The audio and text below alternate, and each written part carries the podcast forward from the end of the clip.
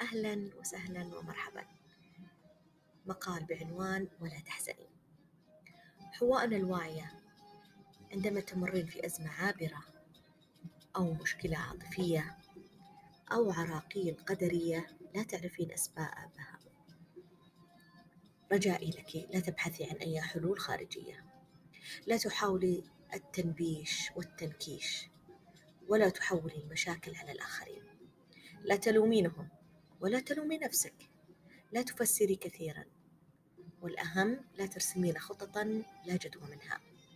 لا تناقشي لا تجادلي لا تفاصلي. لا تهتمي لا تظني ولا تتوقعي في لحظتها ووقتها. لماذا؟ لأن لكل ألم رسالة ولكل صفحة درس ولكل صفعة درس ولكل محنة منها فالصدمة في أولها تحتاج لسكون لكي تأخذي قرارك بشكل صحيح ومتزن فكل الحلول تردينها بالداخل. وأقصد أن حلها منك وفيك وفي أعماقك. فقط افتحي شباك قلبك. أدخلي النور إليه. إلزمي الصمت. وانظري إلى الداخل. اقتربي من روحك أكثر. اعطي السجود أكثر التدبير في كتاب ربك ستجدي الحل.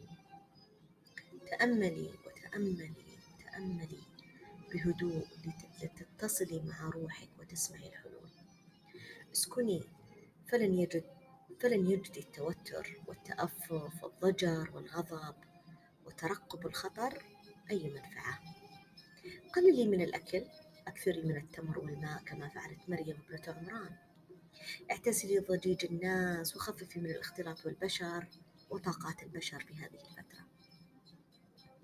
ثم ادعي وعودي وصلي وانتظري الفرج.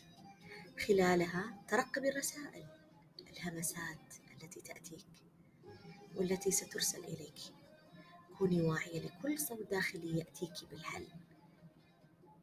كوني متيقظة لدقات قلبك حينما يأتي الفرج.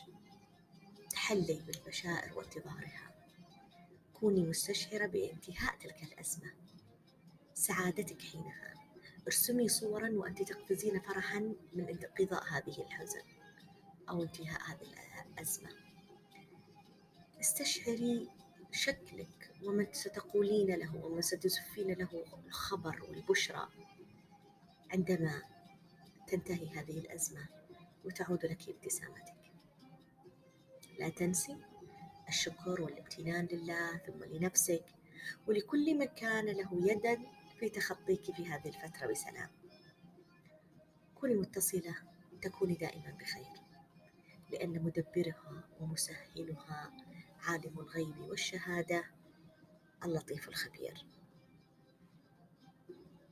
دمت بخير ودمت في حب وسلام.